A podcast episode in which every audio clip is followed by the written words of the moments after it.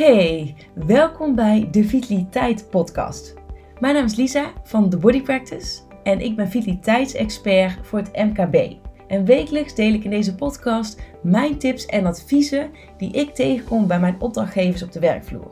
En dan kun je denken aan thema's zoals voeding, eh, lichaamsbeweging, stress en werkdruk, slaap en nog veel meer. Soms doe ik dit alleen en soms met een gast. Ik wens je heel veel luisterplezier.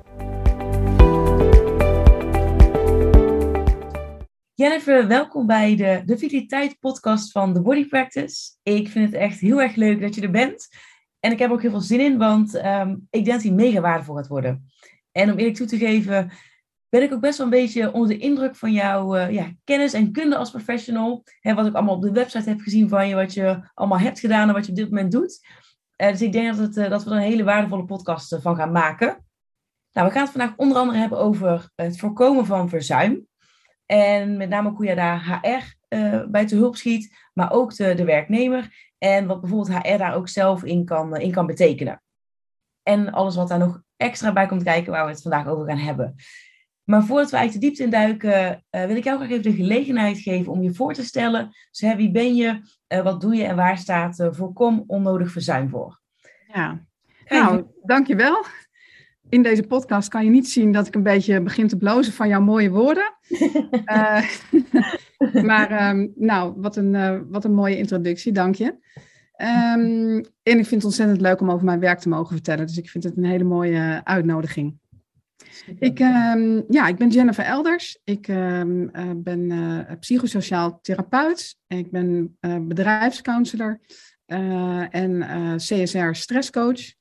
En ik uh, begeleid werknemers uh, bij um, uh, stressklachten en bij herstel van burn-out. En ik geef ook voorlichting bij werkgevers over wat stress en chronische stress doet in het lijf. En hoe je met werknemers kunt omgaan die, die dat overkomt. Die zijn uitgevallen of dreigen, dreigen uit te vallen. Mm-hmm. Dus ik, ja, ik breng kennis bij werkgevers en werknemers help ik, help ik om te voorkomen en te herstellen. En ik heb praktijk, praktijk in Den Haag. Ja. Uh, niet aan huis, in, in, in een uh, kantooromgeving. En uh, ja, daar is mijn, mijn praktijk. En daar begeleid ik werknemers. Maar soms doe ik dat ook op de werkvloer. want sommige opdrachtgevers die zijn, is wat verder rijden voor mij. Dus, maar dan ga ik daar naartoe en dan heb ik meerdere cliënten van een opdrachtgever die ik begeleid. Um, zo begeleid ik al een jaar of zes mensen bij een waterschap. Uh, en nu bij een grote uh, uh, overheidsorganisatie hier in Den Haag ben ik vaste counselor. Um, ja, en verder zijn er allerlei organisaties die mij inhuren om, om werknemers te begeleiden of om voorlichting te geven of nou ja, ook training te geven. Dat is met corona wat, wat minder geworden, maar ik merk dat dat nu alweer wat, ja, wat aantrekt, zeg maar, die vragen daarover. Ja, ja goed, jij benoemt net als counselor. En Um, dat is ook wel gelijk eigenlijk mijn eerste vraag. Want je hebt natuurlijk, je hebt de bedrijfsarts, je hebt eventueel een coach, maar jij bent dus echt bedrijfscounselor, wat ja. natuurlijk ook weer iets anders is. Mm-hmm. Um, zou je daar eens wat over kunnen vertellen, hoe jij als, als counselor eigenlijk een ja, verschil kan maken in het voorkomen van onnodig verzuim en wat je dan überhaupt uh, ja, doet eigenlijk voor een, um, voor een opdrachtgever? Ja, nou, ik ben uh, registercounselor ABVC. Um, dat betekent dat ik ingeschreven ben bij het register voor de Algemene Beroepsvereniging voor Counselors. Mm-hmm. En um, in die zin ben ik ook zorgverlener. Uh, dus dat betekent dat, uh, uh, ik, dat de sessies zeg maar, die ik met mensen heb, deels ook vergoed kunnen worden door aanvullende zorgverzekeringen. Okay. Niet alle zorgverzekeraars hebben dat in hun pakket, maar sommige wel. En dat betekent ook dat ik medische gegevens mag verwerken ja, en dat is natuurlijk een ontzettend voordeel, want uh, je moet eigenlijk als, als hulpverlener, als je mensen met chronische stress of burn-out uh, uh, krijgt, dan ehm, moet je heel goed weten um, ja, wanneer je moet verwijzen, wat er mogelijk onderliggende oorzaken kunnen zijn.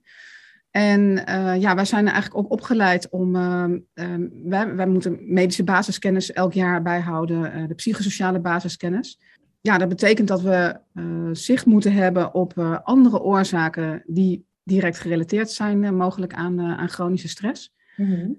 Ja, en, en en dat scheelt heel erg als ik in gesprek ben met, met cliënten en ik heb een intake waarbij ik een anamnese afneem. Ja. Dan, um, misschien is dat een beetje een moeilijk woord.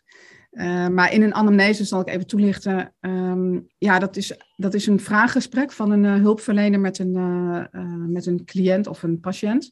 Waarin je heel veel vragen stelt over de achtergrond van iemand die te maken kunnen hebben met de klachten waar iemand mee komt. Nou, en bij chronische stress is die achtergrond heel breed.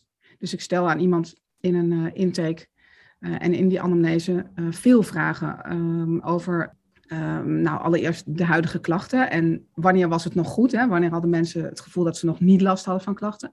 Mm -hmm. maar dan ga je eigenlijk kijken naar uit wat voor gezinssysteem komt iemand, wat voor ingrijpende gebeurtenissen heeft iemand meegemaakt. Kan iemand ook vreugdevolle gebeurtenissen over zijn leven vermelden? Wat voor, hoe is het op school gegaan? Hoe heeft iemand de schoolperiode uh, beleefd? Um, het kan zijn dat het heel moeizaam is gegaan of dat er een pestverleden is. Of uh, dat het juist eigenlijk heel erg, ja, misschien wel veel te makkelijk uh, is geweest, de school. Dan kijk ik naar ja, gezin van herkomst, en zussen. zijn er overlijdens geweest? welke ingrijpende gebeurtenissen? Wat voor medicatie gebruikt iemand? Is er een psychiatrisch verleden bij een cliënt zelf of bij familieleden bijvoorbeeld? Dat soort vragen stel ik allemaal. Krijg ik een heel breed zicht. Ja, en dan kun je vrij snel, eigenlijk heb ik geleerd als hulpverlener, kijken waar, uh, waar pijnpunten zitten. En vaak zijn die voor mensen zelf nog helemaal niet helder.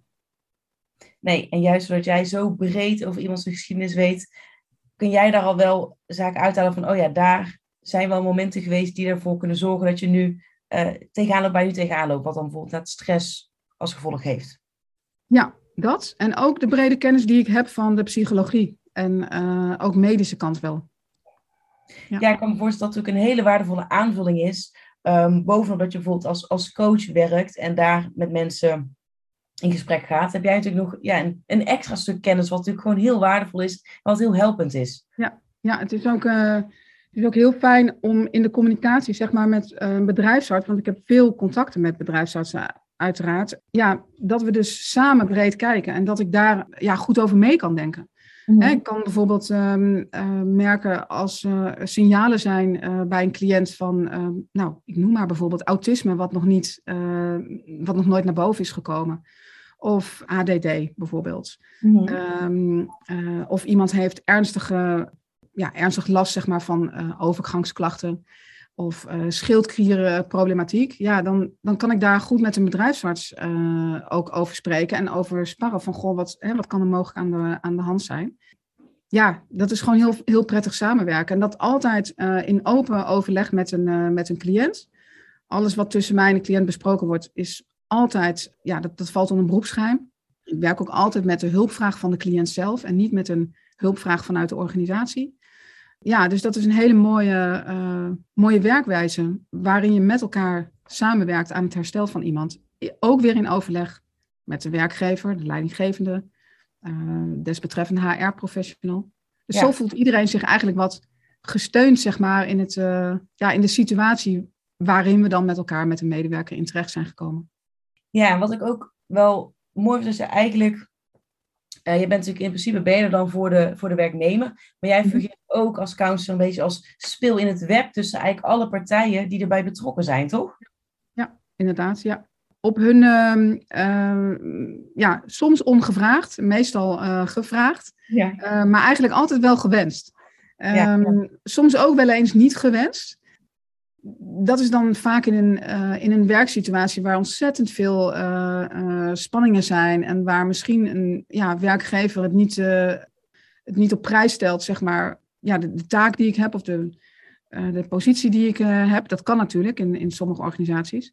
Daarom um, werk ik heel graag. ik heb drie um, waarden waar ik in mijn bedrijf en ook persoonlijk voor sta: ja. betrokkenheid, verbinding en daadkracht. En um, ja, die waarden die breng ik zelf in, in mijn werk, in organisaties, ook in het werk uh, met mijn cliënten mm um, en met andere hulpverleners met wie ik uh, samenwerk. Maar ik uh, kies ook wel toch mijn opdrachtgevers uit die ook deze waarden belangrijk vinden. Ja. En dan merk ik dat het werkplezier van mij gewoon, ja, dat vergroot mijn werkplezier. Ja. Ja, dat kan ik me heel voorstellen. Dat werkt natuurlijk zoveel prettiger als dat gewoon, um, als, als je daarin gewoon levelt. Zowel als, als opdrachtgever als um, ja. opdrachtnemer voor jou. Ja, precies. En je zit natuurlijk heel erg op uh, eigenlijk het, het voorkomen van onnodig verzuim. Uh, want mhm. er, er, ligt bij jou dus aan de focus op onnodig verzuim. En dan ben ik wel eigenlijk benieuwd van waar zie jij nou in de praktijk dat het misgaat tussen aanleidingstekens, waardoor eigenlijk onnodig verzuim ontstaat? Ja, nou eigenlijk uh, moeten we dan even stilstaan bij wat onnodig verzuim eigenlijk uh, is. Ja, dat is het is eigenlijk verzuim wat niet nodig is geweest. Uh, niet alle verzuim is onnodig, maar wel het verzuim dat voorkomen had kunnen worden. Bijvoorbeeld doordat werknemers leren wat goede zelfzorg is. Mhm. En dat ze uh, zich op tijd kunnen realiseren dat het niet goed met ze gaat en dat ze hulp nodig hebben.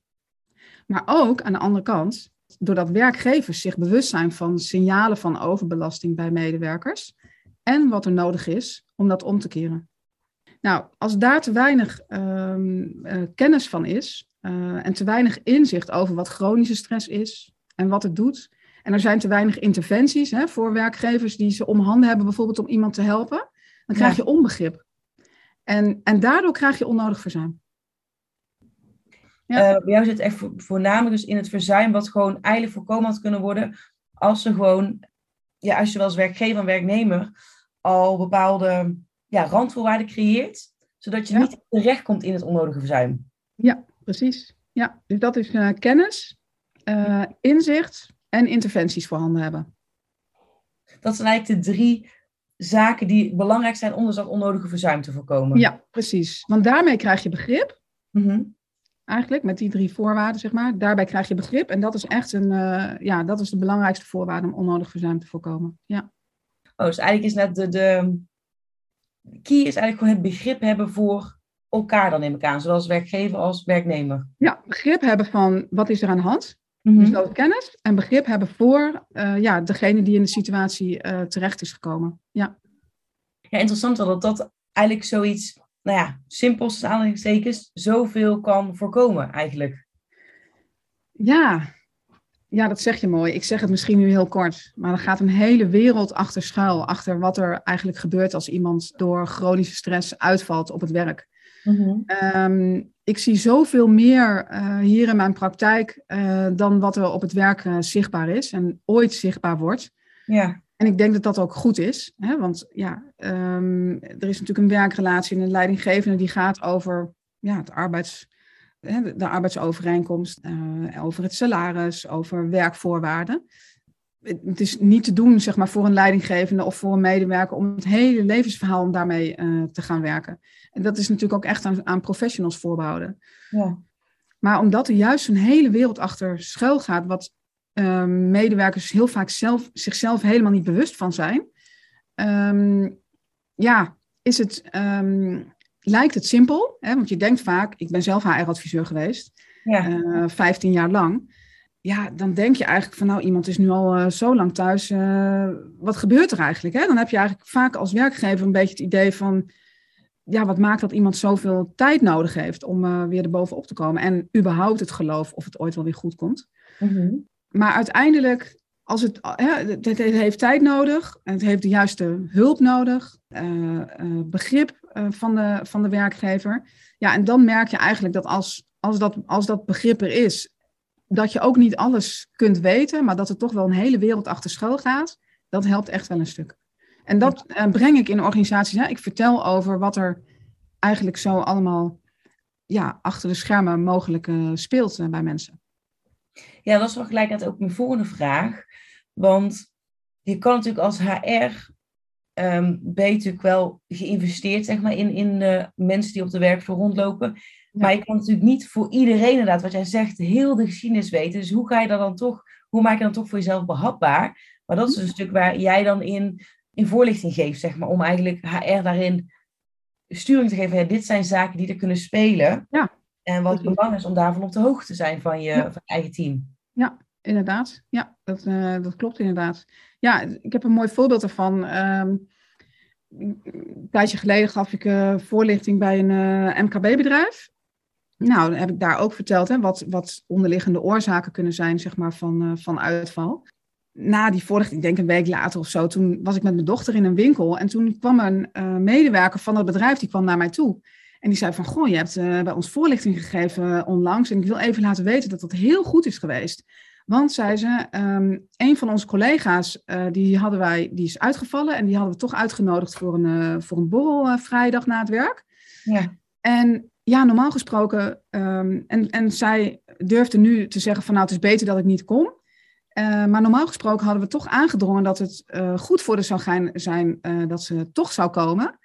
maar nu begrijpen we waarom het beter is dat ze niet komt. Want nu weten we dat ze de zaterdag daarna dus back af daarvan is. En ja. misschien zondag nog van bij moet komen. En dat dat um, ja, eigenlijk niet goed voor het herstel is. Niet altijd natuurlijk, maar in dit geval was dat wel zo. ja, dus zij zeiden van ja, je, ja, in ieder geval heeft je voorlichting hier al vruchten afgeworpen. Wat mooi. Dat er ja. ook gewoon zo'n heel praktisch ja. voorbeeld uit ontstaat. Dat je denkt, ja, dit is het. Dit is precies, het. precies. Ja. Maar we moeten het alleen weten, dat is het. we moeten het weten.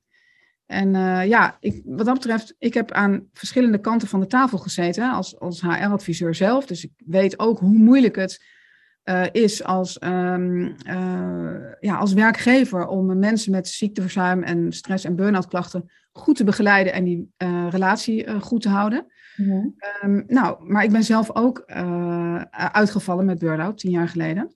Ja. Dus ik weet ook hoe het voelt als je ja, kwetsbaar bent als werknemer en als je met volle schaamte en enorm veel schuldgevoelens je ziek moet melden op het werk. Mm -hmm. um, ja, toevallig weet ik ook hoe het voelt om onbegrip te krijgen van, van de werkgever. ik weet nu dat dat een gebrek aan kennis en inzicht was.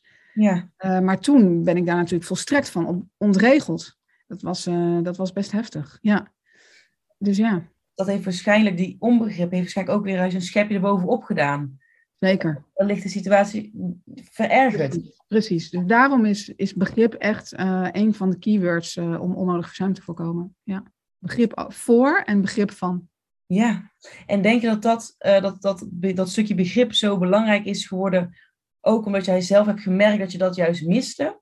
Of is dat sowieso, weet je gewoon, oké, dat is belangrijk? Of heeft dat, wat heeft daar ook weer misschien jouw eigen persoonlijke situatie en verleden een, uh, speelt daar een rol in? Ja, hele mooie vraag. Hele mooie vraag. Want precies uh, dit, toen ik volledig gereïntegreerd was, ja. toen hield mijn baan op. Ik kreeg ontslag. En toen was daar de vraag, wat ga ik doen? En uh, toen dacht ik, nou, zal ik nou terug in het HR-vak? En toen dacht ik, ja, ik heb het altijd zo naar mijn zin gehad. Maar nu met deze ervaring weet ik dat ik niet voldoende kan, voor mensen kan betekenen. Ik wil veel meer voor ze betekenen. En ik weet ook wat ik zou kunnen betekenen, omdat ik uiteindelijk de juiste hulp heb ge gekregen. En toen dacht ik, ja, dat is eigenlijk wat ik wil doen. Ik wil eigenlijk begrip bij die werkgever creëren. Want wat is mij overkomen? Ik heb eigenlijk onnodig lang verzuimd. Dat is mij overkomen. En ik wist natuurlijk als HR-adviseur hoe lastig het is, zeg maar, om ja, onnodig verzuim te voorkomen. En ik dacht, ja, nu weet ik dit. Met deze ervaring weet ik gewoon wat er nodig is. Zowel bij de werkgever als ook bij de werknemer. Dus ja, toen uh, was de naam van mijn bedrijf geboren. Uh, voorkom onnodig verzuim. Ja, en toen heb ik me helemaal omgeschoold als uh, counselor, psychosociaal therapeut. Ik heb me laten scholen bij eh, CSR-centrum, waar ik nu ook partner bij ben. En um, ja, voor de rest heb ik me heel veel opleidingen gedaan om mensen therapeutisch goed en diepgaand te kunnen helpen. Mm -hmm. Maar daar ben ik natuurlijk eerst zelf helemaal doorheen gegaan. Dus ja. mijn eigen processen natuurlijk allemaal doorgewerkt. Ja. Ja, dus, dus ja, dat heeft ermee te maken. Ja, ja nee, dat, dat, dat kan me namelijk heel goed voorstellen. Dus vandaar dat ik dacht, dat, ja. daar ben ik benieuwd naar. Maar het is eigenlijk gewoon zo mooi en dat, dat maakt jou waarschijnlijk ook zo krachtig als professional. Dat je, je hebt eigenlijk in elke positie gestaan van de partijen die hierbij betrokken zijn. Ja, klopt. je hebt, je hebt uh, als HR-professional heb je het gezien. Ja. Maar ook juist als, als medewerker die zelf dus net uitvalt en verzuimt. Waardoor je mhm. natuurlijk van alle partijen precies weet waar je dan op vast kan lopen en wat lastig is. En juist ook hebt gemerkt, ja, maar dit kan het juist voorkomen of dit kan juist helpen. Dat je niet in een vervelende situatie terechtkomt. Inderdaad. En uh, Jennifer, heb je dan nu ook echt praktisch gezien één of meerdere tips voor HR om bijvoorbeeld met dat stukje begrip aan de slag te gaan en dat dus begrip te creëren op de werkvloer, zowel um, als HR naar de werknemer toe, maar ook andersom? Nou, in ieder geval uh, heb ik wel wat tips, zeg maar, om uh, uh, het, de kennis en inzicht te vergroten. Mm um, en ook de, de, betrokkenheid bij elkaar en bij de mensen. Ja. En de eerste tip zou zijn aan de HR-professionals dat ze met leidinggevenden in ieder geval eens per maand om tafel gaan met die leidinggevende om de mensen op de afdeling te bespreken. Hè, bijvoorbeeld, uh, hoe zitten ze in hun vel? Uh, welke signalen zijn er merkbaar bij de leidinggevende? Wat kunnen mogelijke oorzaken zijn? Komt het misschien bij meer mensen voor? voor? Um, valt er in het werk wat te begrenzen? En ook welke mensen zouden eventueel begeleiding kunnen gebruiken? Ja. Dus eigenlijk zou het fijn zijn als je da daarin een goed samenwerkend duo wordt op dat gebied en dat je eigenlijk ook oog hebt voor elkaars gesteldheid. En nou, begin dan bijvoorbeeld het overleg hè, met, je, met die leidinggevende. Hoe gaat het eigenlijk echt met je? En ga mhm. daarover dan eens kort met, met elkaar in gesprek. Ja, wat ik heel mooi vind dat je hier benoemt is dat je hier het ook niet de verantwoordelijkheid bij HR neerlegt, maar ook zegt van ja, maar die leidinggevende, die krijgt natuurlijk in medewerkers of hun team veel, van veel dichterbij mee. En je hebt als, als HR best wel een beetje afstand. Maar dat je ook zegt van ga ook met elkaar, zorg met elkaar dat je ja, beter op de hoogte bent van hoe het met de medewerkers gaat. In plaats van alleen maar echt bijvoorbeeld zo'n gesprek moet voeren. Ja, en dat je dat ook echt deelt hè, als gezamenlijke verantwoordelijkheid. Want leidinggevenden kunnen nog wel eens het gevoel hebben. Ja, dat klinkt een beetje. Dat klinkt misschien een beetje heftig, zo bedoel ik het niet, maar dat ze, een beetje, dat ze door HR op het matje worden geroepen. Laat ik het even zo zeggen. Dat zeg ik ook uit eigen ervaring. Mhm. Dus ja, het is voor een leidinggevende best wel uh, een dingetje als er nogal wat mensen zeg maar, op de afdeling uh, uitvallen. En de leidinggevende gaat het eerst altijd bij zichzelf zoeken. Mm -hmm, uh, ja. Maar die laat dat vaak, ja, veel leidinggevenden laten dat niet direct merken. logisch, hè? Dat, dat doen we zelf ook. Is ook lastig als we ergens denken van ik doe ergens iets niet goed. Ja, je eerste reactie is eigenlijk om juist niet te laten merken dat jij niet degene bent die, dat jij degene bent die daar misschien ook wel ehm, iets, uh, iets aan zou kunnen doen of onmogelijk oorzaak in bent. Of, en misschien ben je helemaal geen oorzaak. Ben je een, uh, is dat helemaal niet aan de orde. Maar daarom, ehm, daarom denk ik dat het goed is, ook voor, voor de samenwerking en het werkplezier van zowel de HR-professional als de leidinggevende, wordt een goed samenwerkingsduo daarin. Ja. Um, het, trek het niet te veel persoonlijk naar je toe. Maar kijk met elkaar, oké, hoe kunnen we meer begrip creëren? Hoe kunnen we uh, meer zien wat er eigenlijk ja, wat er aan de hand is en wat er mogelijk is qua interventies? Ja. ja, en juist door natuurlijk als je al wat opener en regelmatig dat gesprek aangaat, hou je natuurlijk ook veel meer een vinger aan de pols, waardoor het niet pas gesignaleerd wordt als het eigenlijk al te laat is. Precies. Als eigenlijk iemand al, al, bij HR aanklopt en zegt, ja, het, het is ja. allemaal veel te veel. Terwijl als je als ja. met leidinggevende al eerder gesprek hebt gehad, kun je dat natuurlijk voorkomen. Ja, precies, inderdaad. En dan, is eigenlijk, hè, dan heb ik een, een volgende tip erbij bij die signalen, zeg maar, als die dan komen. Ga dan ook echt op tijd met elkaar in gesprek om uh, aanpassingen in het werk aan te brengen. Kijk, um, en wacht daar niet te lang mee. Hè? Dus kijk naar wat zijn energiebronnen van iemand. Waar loopt iemand op leeg? Heeft iemand steunbronnen in het werk, maar ook thuis? Hè? Soms hebben mensen thuis weinig steunbronnen en ligt daar ontzettend veel op hun schouders. Ja. ja, daardoor is er weinig energie over om het werk ook nog goed te kunnen doen. Nou, in de praktijk zie ik wel dat daar nog vaak te lang mee gewacht wordt in de hoop dat het wel mee zal vallen of in de hoop dat het wel beter zal worden. Mm Of ook wel door de gedachte, nou, begeleiding kan altijd nog of aanpassen kan altijd nog. Maar ga er maar vanuit dat mensen nooit op tijd komen met hun klachten nee. en dat mensen chronische stress niet zelf kunnen omkeren. Ik denk dat dat een hele mooie is, een heel mooi inzicht. Ja. ja ja, dat er wellicht te ja, makkelijk dus aanhalingstekens over wordt gedacht. Ja. ja, omdat je heel veel niet ziet. Je ziet gewoon heel veel niet van wat er eigenlijk werkelijk aan de, aan de hand is. Ja. Dus dat is ook heel begrijpelijk. Maar als we weten van, oh wacht even, maar er kan een enorm verhaal uh, aan zitten. En je hebt een goede hulpverlener die daar ja, uh, een gouden vinger op de juiste plek legt, zeg maar. En goed weet uh, hoe die diegene daarbij kan helpen. Ja, dan, nou, dan kan je enorm veel on onnodig verzuim voorkomen. Maar ja, daar is ook weer budget voor nodig. Hè? Dus dat vind ik ook een belangrijk punt. Hè? Zorg voor helderheid over budget voor individuele begeleiding. Want als dat nog bedacht moet worden, uh, of besloten moet worden op het moment dat mensen hulp nodig hebben, dan kost dat tijd. En dat mhm. gaat ook weer af van de hersteltijd. En het leidt, leidt weer tot langer verzuim. Ja, terwijl dat, dat zijn zaken die je wellicht al op voorhand kan aftikken of waar je afspraken over kan maken. Zodat je dan gelijk eigenlijk al iemand die ja. een begeleiding kan bieden. Ja, precies. Ja, inderdaad.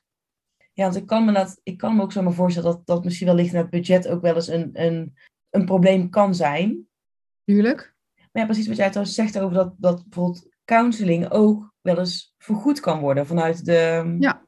verzekering, vanuit de zorgverzekering. Ja, gedeeltelijk. Hè? Dus dan uh, werknemers krijgen uh, bijvoorbeeld een factuur. Uh, voor, er zijn werkgevers die zeggen van nou, we willen graag toch dat de werknemer ook zelf een gedeelte van, het, van de begeleiding Mhm. Dat gebeurt niet altijd.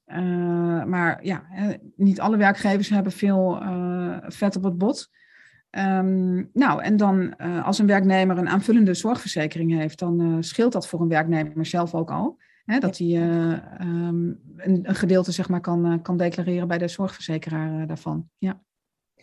En je hebt het nu natuurlijk net, we kijken nu erg natuurlijk naar HR en leidinggevende. Wat vind je dat, dat de medewerker daar zelf als rol in speelt? Want onderaan de streep is natuurlijk een gedeelde verantwoordelijkheid voor alle betrokken ja. partijen. Ja, mooie vraag. Ja, dus zie je daarin dat je dat, dat de werknemer daar ook nog iets in kan uh, betekenen of doen of wat of anders aanpakken? Ik neem aan dat je bedoelt of de medewerker ook de verantwoordelijkheid heeft om uh, op tijd erbij te zijn. Ja. Ja, het punt, het punt is uh, met chronische stress. Mm. Um, door de stress voel je heel vaak niet of, dat je vermoeid bent.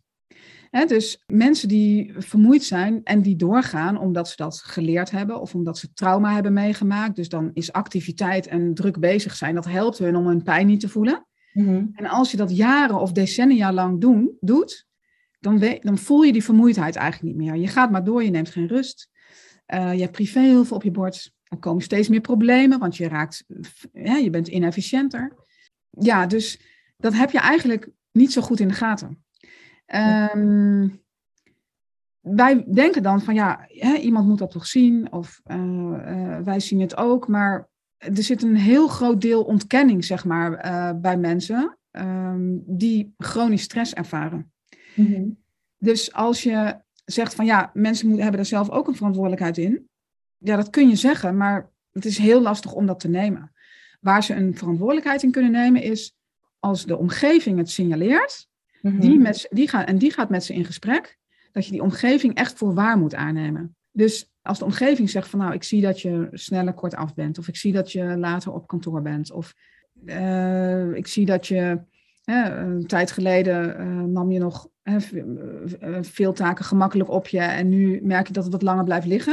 Het is heel moeilijk om die feedback te geven. Ja, um, maar ook bij iemand die chronisch stress heeft, ja, die kan het heel snel persoonlijk opvatten. Maar ja, bij voorlichting, als ik voorlichting geef in organisaties, dan vertel ik dit. Ja. Dan vertel ik wat er gebeurt in het gedrag tussen mensen. Um, maar wat juist eigenlijk hele duidelijke symptomen zijn van dat er chronische stress is. En dat het eigenlijk heel fijn zou zijn als je uh, hulp aangeboden krijgt. Om eens even met iemand te gaan praten. Om eens even wat zaken op een rijtje te zetten. Van waar zit ik eigenlijk in? Waar ben ik eigenlijk in beland? Ja. En wat is er nou, wat is er nou nodig? Dus ja, die verantwoordelijkheid vind ik een. Uh, uh, die behoeft dus wel deze uitleg. Ja, ja, ja want HR of leidinggevende kunnen natuurlijk ook denken, ja, een medewerker moet zelf maar aan de bel trekken en zelf ja. dus die verantwoordelijkheid nemen als het niet goed gaat. Ja, snap ja, zie je dat het in de praktijk is het natuurlijk niet zo simpel. Nee, door die chronische stress voelen ze eigenlijk helemaal niet zo goed hoe het met hun gaat. En dan heb je eigenlijk juist wel een leidinggevende nodig die dan dus regelmatig met jou het gesprek aangaat en dus dit signaleert van, goh, ik, zie, ik bemerk verschil bij jou. Ga, gaat het dan lekker met je? Zit je het nog wel lekker ja. Ja, bijvoorbeeld, precies dat. dat. En voorlichting, hè, als je voorlichting geeft op je afdeling, in je organisatie, dan, uh, ja, mensen die gaan op een gegeven moment heel anders kijken naar hoe ze dingen beleven. Of uh, klachten die ze hebben, of um, wat ze nodig hebben in het werk bijvoorbeeld. Mm -hmm. Dus als je bewustwording brengt, uh, bij je medewerkers over wat zijn, hè, wat zijn nou de signalen bij jou dat het even te veel is.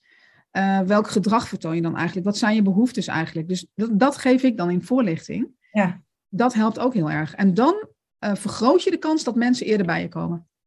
ja, ik wil net zeggen, het is natuurlijk heel erg in dat stukje bewustwording van, van hoe je zelf het in elkaar steekt en wanneer welke uh, signalen je lichaam afgeeft. En daar dan op, op echt op anticiperen. Dat is de kern, ja. Mooi gezegd. Ja, ja en uiteindelijk heb je dan toch dat het, het cirkeltje weer rond met hoe iedereen daarin zijn eigen rol ja, kan en mag nemen. En hoe je juist ook elkaar heel erg kan helpen als HR-leidinggevende, als leidinggevende de medewerker, maar ook de medewerker dan HR weer kan helpen om ervoor te zorgen dat het gewoon met goed gaat met iedereen. Ja, inderdaad. Ja. En dan heb je een heel mooi samenspel met elkaar. Ja, wat mooi. Echt, echt heel mooi. En zeker omdat, omdat je hier ook dat echt de verschillende lagen aanpakt. Ja. Uh, en juist niet alleen maar of neerlegt bij HR, zo van ja, maar dat is toch, dat hoort tot jouw uh, taakomschrijving om te zorgen dat het met iedereen goed gaat, bij wijze van. Precies. Maar juist ja, dat bij iedereen op deze manier kan neerleggen. Ja. En de weg ook vrijmaakt dat iedereen die rol ook op kan nemen, zeg maar. In kan nemen. Ja. Ja, ik denk dat het hele waardevolle tips zijn die wel, um, zeker voor de HR-professionals die nu aan het luisteren is, uh, wel veel inzicht kan geven van, oh ja, dit zijn wel stappen waar we nu kunnen beginnen. Fijn, ja. Ja, want je kan natuurlijk zeggen, hè, onnodig verzuim voorkomen. Maar ja, het kan me ook zo voor je denkt, ja, maar waar begin ik dan? En dit zijn natuurlijk wel hele praktische tips waar je gewoon, uh, waar je gewoon ook op vrij korte termijn al mee aan de slag kan gaan. Ja, zeker. Ja, ja en die, dat herken ik heel erg hoor, uit mijn HR-tijd. Waar begin ik dan? Want de thema's zijn zo groot. Mm en het voelt wellicht al zo groot, waardoor je het dan ook maar uitstelt. Want je, ja. Het, ja, het, helemaal waar. Op wat zoveel, dan laat ik maar voor me uitschuiven. Dan hoef ik ja. niet te beginnen. Inderdaad, nee, precies. Ja. ja. ja. Hey, en Jennifer, zijn er op dit moment nog dingen, uh, wellicht inzichten, tips, adviezen die we eigenlijk nog niet hebben besproken, maar waarvan je denkt, ja, dit wil ik echt nog wel heel graag even benoemen, of dit is goed om dit nog uh, een keer onder de aandacht te brengen? Ja, ik, uh, denk uh, het belang van hersteltijd. Dat is echt uh, toch wel een, ja, een wat ondergewaardeerd uh, onderwerp, hersteltijd. Ehm, ik heb meegeschreven aan, een, aan de leidraad hersteltijd op het werk. Hm. Die is uitgegeven door de Stichting International Stress Management Association, een Nederlandse tak. Ja. Um, die is ook via de website van uh, ISMA Nederland te downloaden. En daar staan hele mooie, um, nou daar staat in ieder geval wetenschappelijke informatie over het belang van hersteltijd. maar ook hele mooie tips hoe je hersteltijd in het werk kunt aanbrengen. Um, dus ik, ik zou eigenlijk willen zeggen ook, als je mensen hoort die bij vermoeidheid doorgaan, geen rust kunnen nemen, veel op hun bord hebben, dat er dan eigenlijk een soort lampje bij je gaat, gaat branden. Want iedereen heeft hersteltijd nodig. En juist deze mensen die nemen het niet. Nee. En wat is hersteltijd? Nou, dat is eigenlijk de tijd die je besteedt aan andere zaken dan aan werk of presteren. Hm. Als we dat niet nemen, dan krijgen we stressklachten. Hè? We worden dan eerst vermoeid, dan krijgen we stressklachten. En die zorgen ervoor dat we ons lichaam niet goed kunnen voelen. Mm en juist wat jij net ook zei, het, het, voelen van het lichaam is zo belangrijk om grenzen te kunnen stellen en gezonde keuzes te maken. Ja. Dus ja, daarmee um, over de behoefte van hersteltijd, die is ook heel individueel uh, verschillend. Ja. De een heeft veel meer behoefte aan hersteltijd dan aan de ander. En wat ik nog een beetje weet uit mijn uh, eh, HR-tijd en wat ik soms ook nog wel eens uh, mensen in organisaties hoor zeggen, is dat dan ga je eigenlijk anderen met jezelf vergelijken door bijvoorbeeld te zeggen, ja, maar stelt diegene zich niet een beetje aan? Um, is er niet iets heel anders aan de hand? Of ja, het is ook niet echt een uh, doorzetter. Er is altijd eigenlijk wel uh, wat. Nou, en, en dat helpt niet bij het voorkomen van onnodig verzuim. Ook druk leggen, zeg maar, op de reintegratie uh, helpt niet. Want ja, mensen willen zelf altijd al veel te snel. Ja. Waardoor het juist langer duurt. En dat noem ik ook wel herstelhaast. Herstelhaast, um, mooie. Ja, ja, ja, het is een heel mooi woord. Iedereen weet meteen waar ik het over heb. Ja. Ja, ja, en um, uh, dus mensen willen veel te snel, omdat ze dat hun hele leven gedaan hebben. Ze hebben veel te snel, veel te intens geleefd. En um, ja, en wat ik al zei, iemands levensloop is ook altijd bepalend voor hoe iemand in zijn werk uh, doet. Mm-hmm. Um, en zoveel daarvan is op het werk onzichtbaar. En ik, ik zie eigenlijk dat uh, ja, in mijn praktijk werk ik met het, op de diepste lagen met mensen. Ja. Ehm, ja, ik vind het gewoon prachtig om daarmee te mogen werken en om mensen te helpen om, om weer te helen, uh, zodat ze weer energie en levensvreugde terugkrijgen. Um, maar ik heb ook HR-adviseurs en directeuren begeleid, ook de echte aanpakkers, die ook een, uiteindelijk een prijs daarvoor betaalden. Hè, dus, um, en zelfs soms wel ook degene die eerst het oordeel hadden over anderen, ja. en dan later mij belden. Hè, um, uh, van ja, ik ben er nu zelf tegen aangelopen. En uh, ik moet zeggen, uh, veel HR-adviseurs zijn echt ontzettend met, met, met wie ik werk. Hè? Die zijn erg betrokken en die hebben begrip voor. Maar ja, er zijn ook een paar die zelf tegen de lamp liepen. Mm -hmm. net als ik. Ik ben daar natuurlijk zelf een prachtig voorbeeld van. Want wat er dan eigenlijk gebeurt, hè, is dat je ja, je bent het type van uh, hup altijd door, niet, uh, ik wil niet moeilijk doen. Dat herken ik ook zo bij mezelf. Al, ik, ik was er altijd, uh, ik werkte veel over, ook in eigen tijd. Um, ik nam maar niet te lang vakantie, dus ik ging altijd net weer wat te vroeg aan het werk. Nou, ja, mensen die dat niet deden, daar had ik dan eigenlijk wel een beetje een oordeel over. Ja. En, en dat zie ik soms ook wel met, de mensen die ik, met de mensen die ik werk. Niet zozeer bij vastere opdrachtgevers. Daar is dat niet zo, maar als ik dan weer eens bij nieuwe opdrachtgevers binnenkom, dan kom ik dat nog wel eens tegen. Mm-hmm. Um, ja, en uiteindelijk is mij helemaal helder geworden dat mijn oordeel juist ging over een diepere, ver weggestopte behoefte van mezelf, die ik ontkende. Namelijk dat ik rust wilde en dat ik een overzichtelijk leven wilde. Dat oordeel heeft eigenlijk helemaal niks te maken met die ander, maar die ander triggert in zijn gedrag iets, iets bij jou. Ja, waar je eigenlijk goed aan hebt. Precies. Ja, maar dat wist ik toen ook niet. Ik wist dat toen niet. Nee. Nee. Maar ik denk dat heel veel dat niet op die manier uh, zich dat realiseren. Nee. Ja, terwijl het wel een heel mooi inzicht is. En ik denk dat het ook heel um, verlichtend kan zijn als je daar wel bewust van bent. En dan is Ja. bij jezelf te raden gaat van oké, maar wat zit daar dan echt onder? Ja. Schijnbaar zit er bij mij iets onder. Ja. En dan gaat dat oordelen zal waarschijnlijk ook uiteindelijk wegvallen. Omdat je Helemaal waar. niet van jezelf gaat. Ja.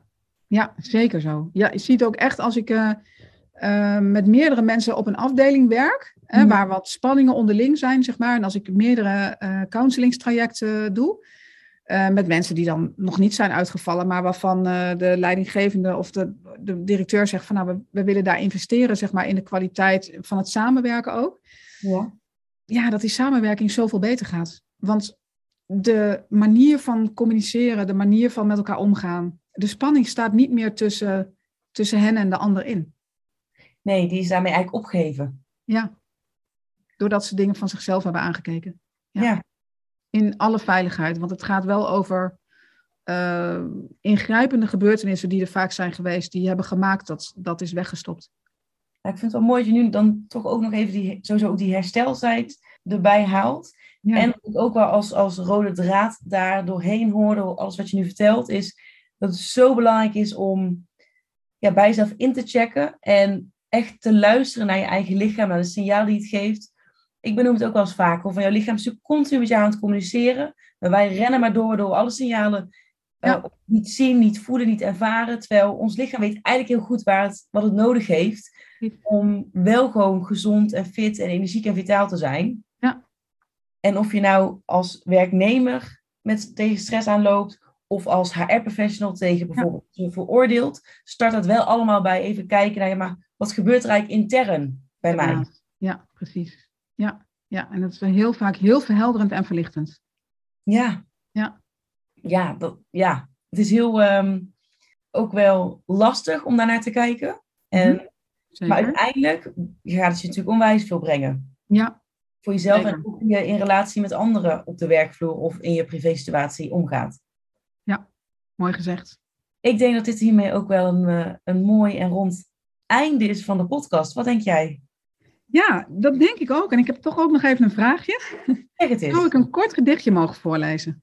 Ja, natuurlijk. Ja, absoluut. Ja, want ik heb een. ehm, ik dacht, ja, ik, ik zou het mooi vinden om daarmee eh, af te sluiten. Het is een gedichtje van een eh, collega van mij, van Monique Wolters. Zij heeft een prachtig eh, boekje geschreven met hele mooie gedichten. Die gaan over de, over de tussenfase. Dat noemen we ook wel de luminale fase. Mhm. En ehm, daar staat een prachtig gedichtje in, dat heet Spons. En dat wil eigenlijk ja, dat, dat zegt eigenlijk wat we hier nou net besproken hebben. Ben als een spons, volledig gevuld met water. Wring me niet uit, maar draai de kraan dicht en laat me drogen in de zon. Wauw, wat een mooie. Prachtig, hè? Ja, en dat is net eigenlijk allesomvattend van waar we het Ja. net allemaal over hebben gehad. Ja, Oh, en dat komt dan zo simpel, ja, simpel eigenlijk tussen aanhalingstekens samen in inderdaad Ja. de beeldspraak van een spons. precies. Ja, dit voorkomt echt onnodig verzuim als we dit met elkaar kunnen. Ja. Ja. Ook ben heel blij dat je deze nog even hebt toegevoegd nu om, om de podcast zo op zo'n mooie manier af te sluiten. Nou, fijn te horen. Ja, Ja, en eh, Jennifer, als er mensen nu, AR-professionals die luisteren, denken, oh, ik wil in contact komen met je of ik wil weten nou, wat je allemaal nog meer kan bieden, waar Mhm. kunnen ze je vinden? ik denk gewoon mijn website. www.voorkomonnodigverzuim.nl Top. Ja. Die ga ik ook sowieso nog in de show notes zetten, dus daar eh, zal ik ook alle linkjes nog in opnemen. Ja. LinkedIn kan natuurlijk ook altijd, hè? Jennifer Elders op LinkedIn. Ja, Ga, ik, eh, ga ik er ook even in opnemen in ieder geval. helemaal goed. Ehm, ja, Jennifer, ik wil je echt onwijs bedanken voor je waardevolle ja, kennis en inzichten. En ook een inkijkje natuurlijk in, in je eigen leven en hoe jij door een heel proces bent gegaan. En daardoor nu hè, hier staat waar je staat. Want dat, Ja. ja. dat ook wel een stukje kwetsbaarheid zien. En dat kan ik wel heel erg waarderen. Eh, ja, ik wil je inderdaad onwijs bedanken. En ik denk oprecht dat we echt wel hele mooie, waardevolle inzichten en tips hebben kunnen geven aan de luisteraar. Dus ehm, wellicht dat we ook nog een keer vervolg aan kunnen geven. Want ik denk dat er nog wel veel meer over te vertellen valt. Dat denk ik ook wel. Ja, leuk. leuk. Ik vond het echt een eer om eh, jouw gast te mogen zijn vandaag. Ja, Oh, wat lief. Oh, dat vind ik Ja. heel lief. Ja. Ja. vind ik heel mooi om te horen. Ja, ja onwijs bedankt. En ehm, ik hoop dat de luisteraar er ook heel blij van wordt. ik hoop het ook. Dankjewel. Dankjewel. En dat was hij weer voor vandaag. Hey, Ik wil je onwijs bedanken voor het luisteren naar deze podcastaflevering van de Vitaliteit Podcast. Ik hoop dat die ook vandaag weer onwijs waardevol voor je is geweest. En voel je je zeker vrij om deze aflevering te delen in jouw netwerk. Mocht je iemand in je netwerk hebben die hier ook profijt van kan hebben, dan wordt dat eh, zeer gewaardeerd. En ik zou het ook onwijs leuk vinden als jij een beoordeling achterlaat op Spotify of op Apple Podcast. Vind ik alleen maar heel erg leuk om te zien. Nou, ik hoop dat jij de volgende keer weer bij bent. En voor eh, nu wil ik je in ieder geval nog een hele fijne dag wensen.